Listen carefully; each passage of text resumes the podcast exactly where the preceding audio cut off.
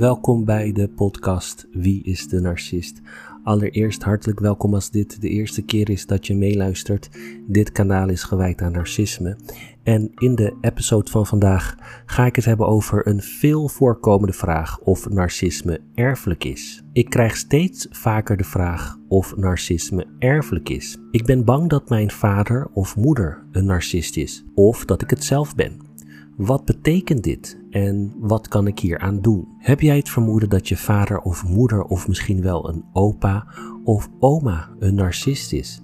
Dan kan dit een angstige vraag zijn. Narcisme is namelijk een steeds meer onderkend probleem in de samenleving en komt met vele eigenschappen. Maar wat is een narcist eigenlijk? Een narcist heeft een narcistische persoonlijkheidsstoornis. Een stoornis waarbij de persoon een diep gevoel van grootheidswaanzin heeft, die zich uit in egoïstisch en zelfgeobsedeerd gedrag. De narcist heeft een overdreven noodzaak tot aandacht en heeft bewondering nodig van anderen. Ze hebben vaak geen empathie en kunnen zich dus niet in persoonlijke situaties van anderen inleven. De stoornis komt echter juist voort uit een extreme onzekerheid en een gevoel van minderwaardigheid. Het verschuilen van deze onzekerheid leidt tot overgevoeligheid en heftige reacties op kritiek en afwijzing. Dit gaat vrijwel altijd ten koste van de mensen in de nabije omgeving. De narcist kiest vaak iemand als pispaaltje uit en reageert zijn of haar onzekerheid af op de mensen om zich heen. Door nooit schuld te bekennen en problemen te ontkennen, probeert de narcist de stoornis zoveel mogelijk te negeren. Vaak is de narcist zich daar niet bewust van. Als jij de partner of een kind van een narcist bent, is dat een vervelende situatie. Maar moet jij je nu zorgen maken? Erfelijkheid van narcistische persoonlijkheidskenmerken. Om de vraag te beantwoorden of narcisme erfelijk is, kijken we naar twee onderzoeken die met persoonlijkheidsstoornissen te maken hebben. Wetenschappelijk bewezen. In een onderzoek gedaan door onderzoekers keken ze naar twee persoonlijkheidskenmerken die veel voorkomen bij narcisme. Die twee kenmerken zijn grootheidswaanzin en entitlement. Het gevoel van ergens recht op hebben ten opzichte van een ander. In het onderzoek keken ze daarom naar erfelijkheid en naar omgevingsfactoren van deze kenmerken. De uitkomst toonde aan dat grootheidswaan 23% erfelijk is en de entitlement-eigenschap 35% erfelijk is. Ze zagen ook dat de eigenschappen lang niet altijd bij dezelfde personen voorkwamen. Dit geeft aan dat erfelijkheid een rol speelt bij deze kenmerken, maar dat omgevingsfactoren nog steeds veel belangrijker zijn. Het bewijst echter nog niet dat narcisme erfelijk is. Daarvoor moeten we nog even verder kijken en halen we er nog een ander onderzoek bij. Erfelijkheid van narcisme. We weten nu dus dat de twee onderzochte kenmerken die te maken hebben met narcisme een vorm van erfelijkheid hebben. Maar hoe zit het dan met narcisme zelf? Wetenschappelijk bewezen. De erkende Canadese psychiatrisch onderzoeker John Livesley deed al in de jaren 90 een onderzoek naar de erfelijkheid van persoonlijkheidsstoornissen. Hij keek naar 18 verschillende dimensies van persoonlijkheidsstoornissen en dus ook naar narcisme op basis van de gestandaardiseerde testen van die tijd. Om het specifiek te maken, moest hij ook naar omgevingsfactoren kijken, zodat die eruit gefilterd konden worden. Dat heeft hij dus ook gedaan. De uitkomst was opmerkelijk. Livesley vond namelijk uit dat van de 18 onderzochte dimensies narcisme de meest erfelijk was. Hij vond in zijn onderzoek dat narcisme een erfelijkheidscoëfficiënt van 0,64 had, ofwel dat 64% van de stoornis door erfelijkheid bijgedragen is. Met andere woorden, narcisme is dus wel degelijk erfelijk, maar schrik niet. Dit betekent absoluut niet dat 64% van de kinderen van een narcistische ouder het ook krijgen. Mijn vader of moeder is een narcist. Heb ik het nu ook? Heeft dit onderzoek je bang gemaakt dat je ook narcisme hebt? Wacht even. Luister dan eerst verder. Zoals aangegeven betekent dit resultaat niet dat 64% van de kinderen die een narcistische ouder hebben ook narcist zijn. Het betekent alleen dat de omgevingsfactoren een minder grote invloed hebben dan erfelijkheid bij mensen bij wie narcisme vastgesteld is. We kunnen aan de hand van dit onderzoek dus alleen zeggen dat de erfelijkheid een grote invloed heeft op het narcistisch persoonlijkheidsstoornis dan de omgevingsfactoren.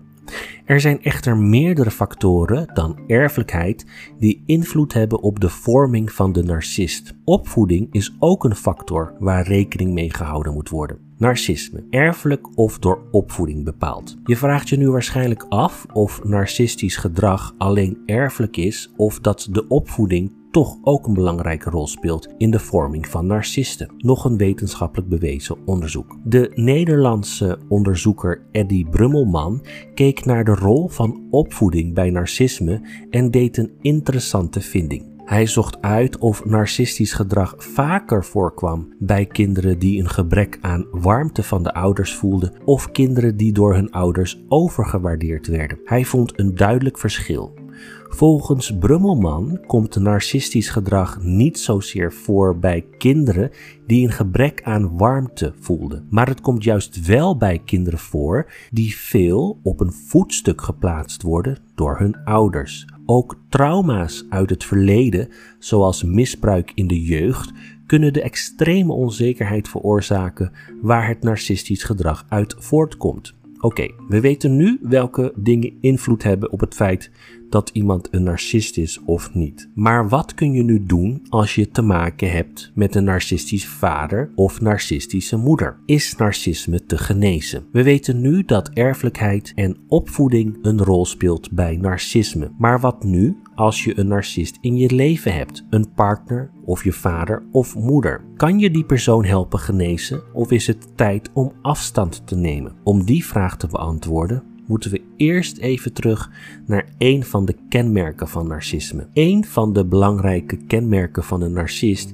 is dat deze niet weet dat hij of zij narcistisch gedrag vertoont. Of juist dat de narcist het wel weet, maar het niet als een probleem ziet. Het is voor de narcist belangrijk om zijn of haar eigen fantasiewereld in stand te houden, waarin zij de belangrijkste persoon op aarde zijn. Veel waardevoller dan aan hun naaste denken en er iets aan doen door uit te vinden waar de diepgewortelde onzekerheid vandaan komt. Het gebeurt dan ook heel weinig dat mensen die narcistisch gedrag vertonen hulp zoeken. Dat is een van de redenen dat narcisme erg lastig te genezen is. Het advies van de experts is dan ook vaak eenduidig probeer van de narcist weg te komen en het liefst zo snel mogelijk. Lukt het niet om weg te komen van de narcist omdat je daarmee ook het contact met waardevolle familieleden kunt verliezen, dan kun je leren omgaan met de narcist. Maar als dat niet hoeft, luister dan naar het advies van de experts en onderneem zo snel mogelijk stappen om van de narcist los te komen. Een lastige taak, dat begrijp ik. Gelukkig sta je er niet helemaal alleen voor. Ik ga je nu uitleggen hoe je dit kunt doen. Volg deze vijf stappen om je los te maken van de narcist. Stap 1. Bepaal wat het op dit moment met je doet. Je hebt misschien nog niet helemaal door waarom het zo belangrijk is om los te komen van de narcist. Bepaal daarom eerst wat het nu eigenlijk met je doet. Stop met het focussen op de narcist, maar kijk naar jezelf. Het is altijd over hem of haar gegaan. Je hebt je zoveel mogelijk weggecijferd voor deze persoon. Maar dat moet nu voorbij zijn. Jij bent het belangrijkst. Hoe voel je je nu echt onder dit gedrag? Wat heeft het gedaan met je zelfvertrouwen? Met de rest van je leven? En bepaal of dat is hoe je verder wilt. Stap 2. Welke voor- en nadelen heeft het contact met de narcist? Bepaal wat het belang voor het contact met de narcist is, door alle voordelen en nadelen op een rijtje te zetten en tegen elkaar af te wegen. Is het bijvoorbeeld zo dat als je nog goed contact wilt hebben met je moeder, je je narcistische vader voor lief moet nemen? Dan kan dat een belangrijke reden zijn. Maar als je het contact met je narcistische vader simpelweg in stand houdt omdat hij je vader is, dan weegt dat niet op tegen het feit dat hij je slecht laat voelen. Of dat hij je voor gek zet tegenover zijn vrienden. Of misschien zelfs wel jouw vrienden. Weeg voor- en nadelen tegen elkaar. En je zult meestal de conclusie trekken dat het contact het niet waard is. Stap 3. Bekijk het op een lange termijn. Je weet nu wat het met je doet en wat de voor- en nadelen zijn van het contact met de narcist. Je hebt dus de beslissing genomen dat het beter voor je is om van de narcist los te komen. Bedenk je dan goed dat dit met ups en downs zal gaan, maar dat het niet betekent dat je terug moet vallen in oude gewoonten. Schrijf bijvoorbeeld het slechte gevoel dat je nu hebt op Mocht je dan de neiging krijgen om terug te vallen in het oude patroon, omdat je dingen mist van het leven met de narcist, pak er dan bij wat je opgeschreven hebt als een herinnering waarom je niet meer met de narcist omgaat. Dan weet je waarom je het gedaan hebt en dat het nodig is om de narcist te negeren. Veel slachtoffers van narcisten trappen er toch weer in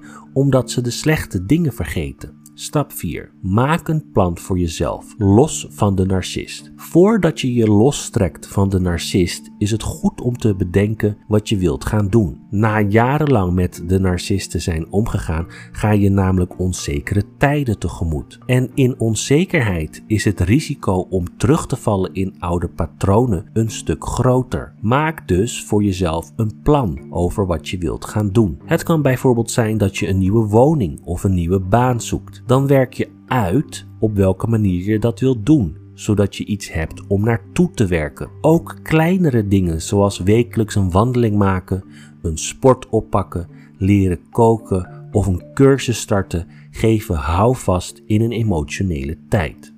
Stap 5. Maak je los van de narcist.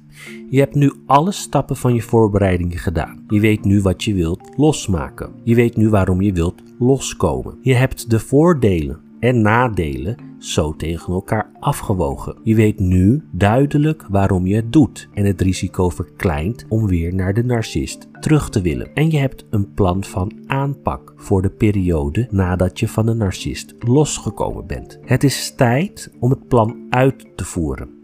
Het is niet nodig om er uitgebreid bij stil te staan met de narcist. Deze zal er alles aan doen om op je emotie in te spelen en te voorkomen dat je weggaat. Het is tijd om te vertrekken. Kies voor jezelf en pak je leven weer in eigen handen. Ja, dat is het onderwerp voor vandaag. Ik hoop dat het een interessant onderwerp is. En als dat zo is, abonneer je op mijn kanaal Wie is de Narcist? Via YouTube. Laat je comments achter in de commentbox en ik weet zeker dat jouw ervaringen zullen helpen of dat andere mensen zich herkennen in jouw ervaring en zo kunnen bevestigen dat zij in een situatie hebben gezeten met een narcist. Bedankt voor het luisteren voor vandaag en tot de volgende keer.